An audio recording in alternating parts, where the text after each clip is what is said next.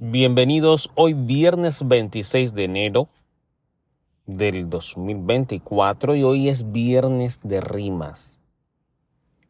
Y quiero dejar hoy ya culminado los viernes de rimas para seguir con más episodios sobre liderazgo con poder personal.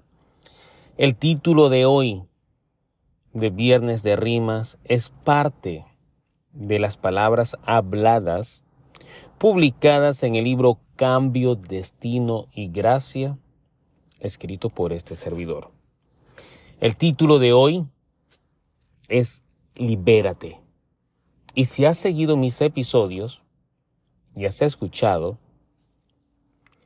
te darás cuenta que este, esta rima, este poema Libérate, hace sentido a los temas y ritmos que he escogido para mi vida en este año 2024, que es cambio y libertad. Y espero que tú también puedas compartir y me dejes saber o nos dejes saber cuáles son los ritmos o las palabras que van a significar un nuevo rumbo para ti en este año 2024. Título de hoy, Libérate. Las cadenas más pesadas son las que sabes. Están ahí, pero no las ves y limitan tus capacidades.